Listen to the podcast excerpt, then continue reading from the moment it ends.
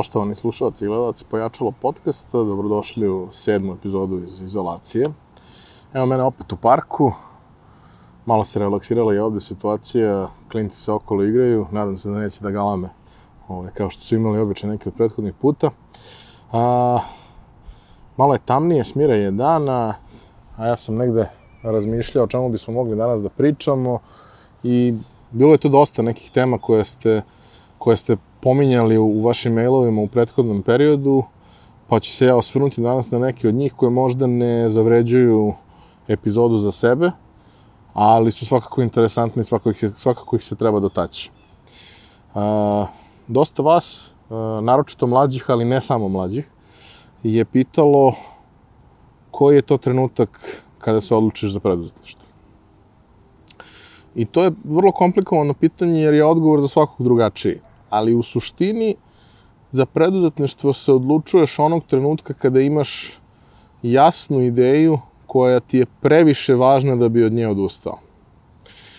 To može da bude ideja, vizija, nešto što te zaista pokreće, može da bude nekakva finansijska prilika koja je ozbiljna, kažem, to je za svakog od nas individualna stvar. Toliko o tome da deca neće vrištati. A, ali to je, dakle, trenutak idealan kada se u tu priču ide. Kada imaš nešto što je dovoljno važno i dovoljno kvalitetno da to počneš. Kod nas, nažalost, vrlo često postoje slučajevi ljudi koji u preduzetništvo ulaze iz nužde, a, tako što recimo imaju neku količinu novca i ne znaju šta da radi i potrebno im je da naprave nekakav prihod od toga i onda krenu u preduzetništvo kao u poslednju nadu, vrlo često e, nedovoljno finansijski stabilni da mogu da izdrže onoliko koliko je potrebno da taj biznis proradi pod uslovom da je uopšte e, dovoljno stabilan, da dovoljno dobra ideja i dovoljno dobar biznis model da to može da funkcioniše i to je vrlo loša pozicija za početak neke takve priče. Ali ljudi i takvi počinju i neki od njih uspevaju i svako ko uspe, svako ko izdrži je zaista vredan pažnje i vredan pohvale i a, svakako da je sve to lakše uz, uz nekakav krug prijatelja koji te podržavaju, koji stoje uz tebe u tim trenucima kad ti je teško, koji se trude da takođe tvoju ideju ispromovišu, ali ono, ako bismo trebali u jednoj rečenici to da kažemo, preduzetništvo je uh, preduzetništvo se ulazi onda kada ideja koju imate postane previše važna da od nje odustanete. Eto. Drugo pitanje koje ima veze sa tim, ali nije baš u potpunosti jedan na jedan analogno sa onim što, što, što sam preobitno pričao, je kada otvarate firmu. A, pošto otvaranje firme sa sobom povlači dosta nekih fiksnih troškova, a, koji u suštini ne moraju da budu preveliki, ali zašto bi ih pravili pre nego što je to spremno da, da kažem, komercijalno nastupi na tržištu. Moj predlog je uvek da firmu otvorite neposredno pre nego što vam je ona potrebna za početak poslovanja. Dakle, kada spremite sve što treba, dogovorite sve sa svima, pripremite sve ugovore, potpuno zaokružite sve što je potrebno i onda osnovete firmu da biste ovaj, mogli da krenete da poslujete, da bi vam od tog trenutka sve obaveze koje kao vlasnik firme imate i kao direktor ako se opredelite za to, da bi vam tek tada krenule da teku. Takođe, mislim, tu treba uzeti u obzir i ono što vrlo često ljudi kažu, da ako su fiksni troškovi koje pokretanje firme nosi sa sobom, koji su red veličine 200, 300, 400 eura, Ako će to da vas ugrozi, onda ne treba da otvarate firmu i to jeste tačno, ali prosto ne mora to da vas ugrožava, dovoljno je da prosto par meseci uštedite neki novac, svakako će vam biti potreban za nešto korisnije nego što je plaćanje tih nekih dažbina čak i kada ne poslujete. A, nekoliko ljudi me je pitalo i šta mislim o gig ekonomiji. A, za one koji ne znaju, gig ekonomija je ono što je, a, da kažemo, što postoji već jako dugo, to je a, ekonomija honorarnih poslova, odnosno tezgica, odnosno bivate plaćeni za nekakav konkretan posao koji uradite. I mislim, globalno je to postalo kao fenomen onog trenutka kada je Uber postao to što je postao, jer su odjednom svi ljudi koji imaju kola, a često i ljudi koji nemaju kola, ali imaju samo dozvolu, pa kroz nekakav dogovor uzmu kola ovaj, na nekakvu otplatu, uh, su dobi, dobili priliku da radeći svoj posao, o, zarade neku vrlo pristojnu količinu novca. Sad, mnogi od vas će reći, pa dobro, ali kao taksisti to mogu već duže vreme. A, to je tačno. Međutim, ono što morate da imate u vidu je da, recimo u Njujorku, a, postoji ograničen broj taksi licenci i one su izuzetno skupe, a tako i u mnogim drugim gradovima i onda e, to prilično limitira mogućnosti. Znači, taksi licence se nasleđuju u porodici, taksi licence se ostavljaju kao zalog za, za nečije školovanje i slično. Nije svuda kao kod nas dovoljno da uh, registrujete tu delatnost, uh, imate automobil koji ispunjava određeni set kriterijuma koji su postavljeni, eventualno položite neke dodatne testove i to je to. Uh, Uber je dakle to otvorio ka svima, onda se naravno proširilo to na gomilu drugih stvari. Sada u Americi gig ekonomija je nešto od čega jako veliki broj ljudi ostvaruje upravo one dodatne prihode o kojima sam ja pričao u prethodnoj epizodi kroz nekakav freelance. Danas imate recimo jedna od stvari je da kroz aplikacije za naručivanje hrane, uh, hrane u smislu namirnica, ne hrane za dostavu gotove, kroz te aplikacije vi odaberete neku prodavnicu u kojoj će, želite da se stvari ode, obave i onda neko ode za vas i pokupuje sve i donese vam. I taj neko bude plaćen ili na sat ili po urađenom poslu i tako dalje. Zatim, naravno, postoje ljudi koji rade dostavu hrane, hrane, dakle, iz restorana, iz fast foodova i slično. Postoje ljudi koji voze ture, postoje ljudi koji da kažemo, rade čitav taj neki niz poslova, a, kod kojih ne postoji fiksno radno vreme i kod kojih ne postoji a, ta varijanta nisam radio, ali sam ipak nešto plaćen. Dakle, svaki dinar ste morali da zaradite. A, što kažu, kad porastim, bit ću kengur, nema socijalno, nema zdravstveno i tako dalje. A, ja o gig ekonomiji imam lepo mišljenje u smislu da je to sjajna stvar za mlade ljude koji ne žele da se obavežu na nekakav ozbiljan posao, da je to dobra prilika da zarade nekakav novac i skinu se sa tereta svojih roditelja. Uh, ono što je naravno što prati takođe gig ekonomiju, da je to uglavnom siva zona u svakoj zemlji, a u našoj zemlji najčešće crna zona u kojoj se baš i ne zna previše kako se stvari dešavaju. Uh, uglavnom donosi vrlo lepe prihode. Ako neću da ja da pomenjem cifre, ali uh, recimo da ljudi koji voze Volt ili Glovo ili koji voze Cargo zarađuju značajno više od prosečne, prosečnih plata ako provode makar toliko vremena koliko je prosečno radno vreme. A ono što je naravno lepo sa tim poslovima je da mogu da ih rade i više kada žele, kada im je potreban dodatni novac, a mogu da ih rade i manje, mogu da ih rade par sati dnevno i da na taj način dopune negde, negde kućni budžet. A, naravno, pozitivna strana je ekonomija jača, ljudi imaju više novca na, na raspolaganju i to je, to je dobro. Negativna strana je što sve to prolazi na neki način kroz sivu zonu i um, donosi neke da kažemo, vrlo problematične posledice u nekim situacijama, poput toga da ukoliko se vozač neki od ostava povredi na poslu, on nema nikakvu vrstu zaštite jer on zvanično nije na poslu i on taj posao ne radi. E, dakle, takva ekonomija sa sobom nosi tu vrstu trade-offa gde prosto treba da odlučite šta je za vas važnije u tom trenutku. Mislim, opet kažem da je to dobro rešenje za klince kojima treba dodatni novac. Mislim da može da bude dobro rešenje za možda lupiću sad, ali samohrane majke kojima je opet potreban nekakav dodatni novac, posebno te varijante sa, sa nabavkom za, za druge ljude koje kod nas još uvek ne postoje, ali u drugim zemljama postoje sigurno će i kod nas u nekom trenutku ovaj, profunkcionisati.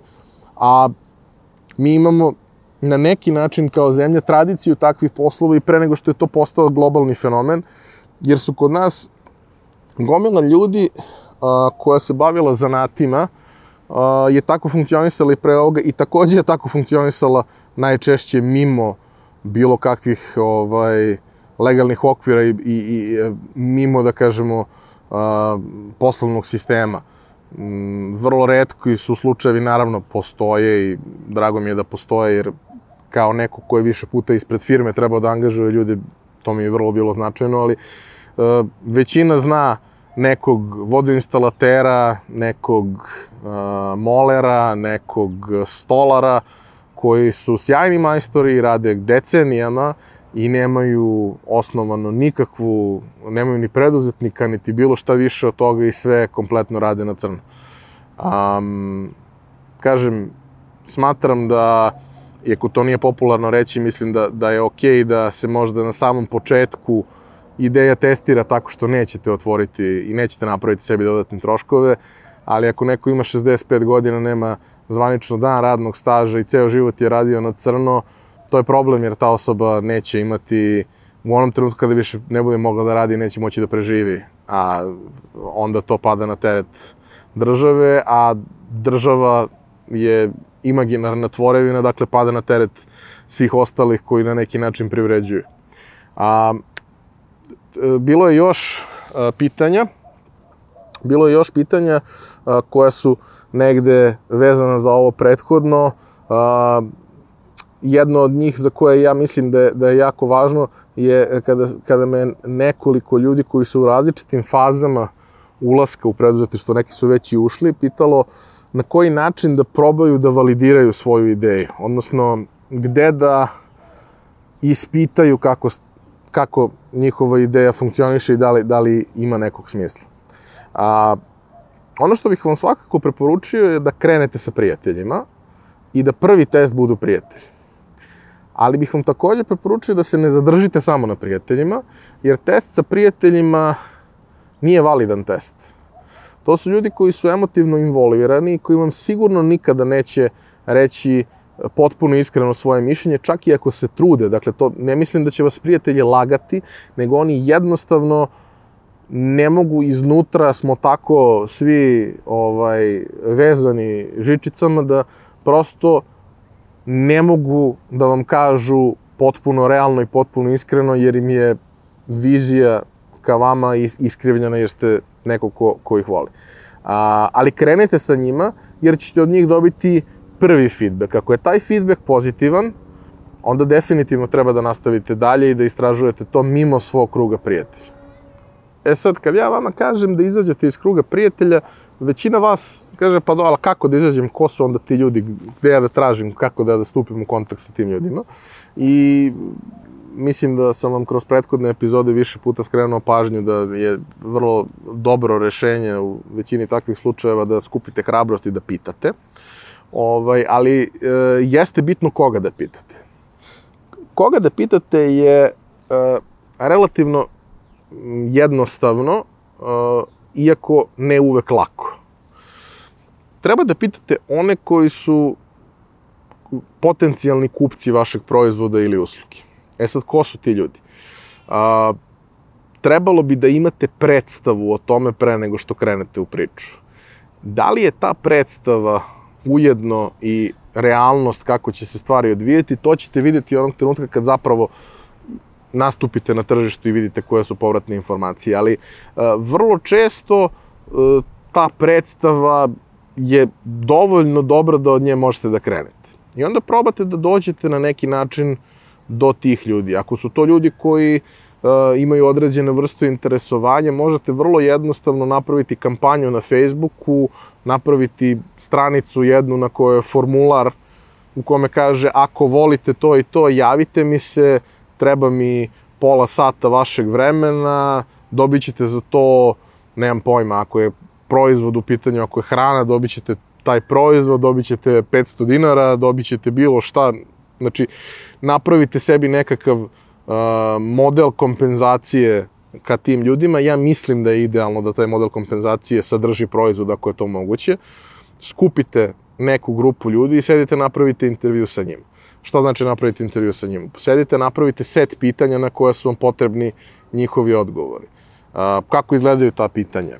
Prvo, pitajte ih o samom proizvodu, kako im se čini, pitajte ih koliko bi oni bili spremni da plate taj proizvod, pitajte ih koliko često misle da bi konzumirali taj proizvod, pitajte ih. Postoji mnogo toga što možete da ih pitate. To su stvari koje su vam suštinski potrebne da biste mogli da, da oblikujete i vodite svoj biznis na pravi način. Ali slobodno ih pitajte, pozovite ih, pitajte ih. Na osnovu povratnih informacija koje od njih dobijete, možda možete da preoblikujete biznis. Idealno bi bilo da, ako imate vremena, napravite nekoliko krugova takvih razgovora. E, kada dobijete povratne informacije o, o proizvodu i odlučite da ga korigujete na neki način, da ponovno kontaktirate te ljudi, da ih pitate sada za mišljenje. U zavisnosti od toga šta su vam rekli, možda ćete neki od njih više puta angažovati za istu stvar. Kada birate koga ćete više puta angažovati, nemojte da birate osobu koja vam je rekla ono što vam se najviše sviđa. Birajte osobu čiji vam je feedback bio najkorisniji. I mislim da je to sasvim, sasvim dobar početak da, da krenete u priču. I još jedno pitanje koje mi često postavljaju i koje su mi postavljali prethodnih godina, neretko i prijatelji, a, kako to obično biva, ljudi koji rade dobre poslove, ali ne za baš idealne poslodavce, u nekom trenutku a, se zasite svega i hoće da probaju nešto što će ih ispunjavati i onda je vrlo bitno da ih ovaj, zadržite pre nego što padnu s litice. Šalom na stranu, ovaj, a, kad su ljudi iz neposlednog okruženja i prijatelji, nije lako biti objektivan. Odnosno, u suštini nije moguće biti objektivan. Ali um, moj uh, pristup, a mislim da je dosta dobro da o tome pričamo baš u trenucima kada je kada se situacija sa koronom nije još potpuno smirila, moj pristup životu i poslu je uvek bio uh, održati život po svaku cenu, odnosno preserve life at all costs. Uh, Šta to konkretno znači? Pa to konkretno znači da neke stvari treba rizikovati, u, u neke situacije treba svesno ući sa nekim proračunatim rizikom, ali postoje stvari koje se ne rizikuju jer e, ako izgubite ono što ste rizikovali, onda malo sve ostalo gubi poentu. Dakle, ako izgubite život, onda džaba sve ostalo. Džaba potencijalni dobitak ako je gubitak toliko fatalan. E sad, uh, izgubiti život. Ni, redko ko će doći u situaciju da pokrane mali biznis i da zbog njega izgubi život. Ali može da uruši svoje financije i svoju reputaciju toliko da od toga ne može lako da se oporavi. A, zato je moj savet uvek da a, je možda bolje raditi neke stvari u paraleli, a, ono, spavati par sati manje nedeljno da bi možda uspevali da, da se bavite i jednim i drugim. Uh, dati sebi malo više vremena za pripremu, jer ako biste se možda full time bavili time, vama bi trebalo 3 meseca, ako se part time bavite time, treba će vam 6 meseci. Nema baš mnogo biznisa kojih će tri, tih 3 meseca razlike ovaj, potpuno urušiti. Uh, radite ga u paraleli, validirajte ga u paraleli, možete čak, naravno, u zavisnosti od toga šta vam ugovor sa poslodavcem ovaj, dozvoljava, a i ako vam ne dozvoljava ima i za to drugih rešenja, pokrenite, sačekajte da stane na svoje noge, da bude stabilno, ne morate čekati da to krene da donosi novac koji sada na svom dobro plaćenom poslu zarađujete, ali mora da pravi novac i morate ući uh, u to pripremljeno planski, što znači možda i ostaviti nekakvu, nekakvu ušteđevinu sa strane, upravo da se taj neki period e, koji je potreban da poslu da poraste, preživi bez nekog drastičnog gubitka životnog standarda. Ako ste vi pojedinac, vi možete svoje troškove da svedete na, na, na minimum. Što kažu, uvek možete da se vratite kod mame i tate i uvek će biti još jedan tanjer ručka i vas život neće koštati ništa. Ali često ljudi koji ulaze u ovako nešto, dok ovde pirka tajfun, ovaj, često ljudi koji ulaze u tako nešto, u to ulaze u zrelim godinama kada već postoji porodica i kada ta vrsta kocke prosto mislim da nije dobra ni za koga. I njima bih naravno pre svega preporučio da sebe i svoju porodicu stave u prvi plan, da ne odustaju od svojih ideja i, i, i snova, jer ne treba da odustaju, ali da budu pametni, da budu proračunati i da u celu priču uđu tako da ako, iako možda krene obećavajuće, ako ne nastavi tim tempom, mogu da se vrate tamo odakle su pošli, odnosno na neku sličnu poziciju, jer e, prosto vrlo je teško kada spalite i srušite sve mostove, a priča u koju ste uložili celog sebe ne profunkcioniše. Eto, to sam hteo da vam kažem u ovoj sedmoj epizodi. Bežim ja odavde, dosta je ovaj, se pogoršalo vreme, a i krenuo je da pirka ovaj tajfun, pa da me ne odnese i da ne odnese ovaj snimak, a i da vi ne slušate ovaj, nevreme koje, koje je tu. Kao i do sada, pišite komentare, dajte predloge o čemu hoćete da, da pričam. Uh, ako imate svoje neke ideje za koje želite moj feedback, savet, možda neki kontakt koji mogu da vam napravim, pišite na info.pojačalo.rs, a mi se vidimo ponovo za nedelju dana.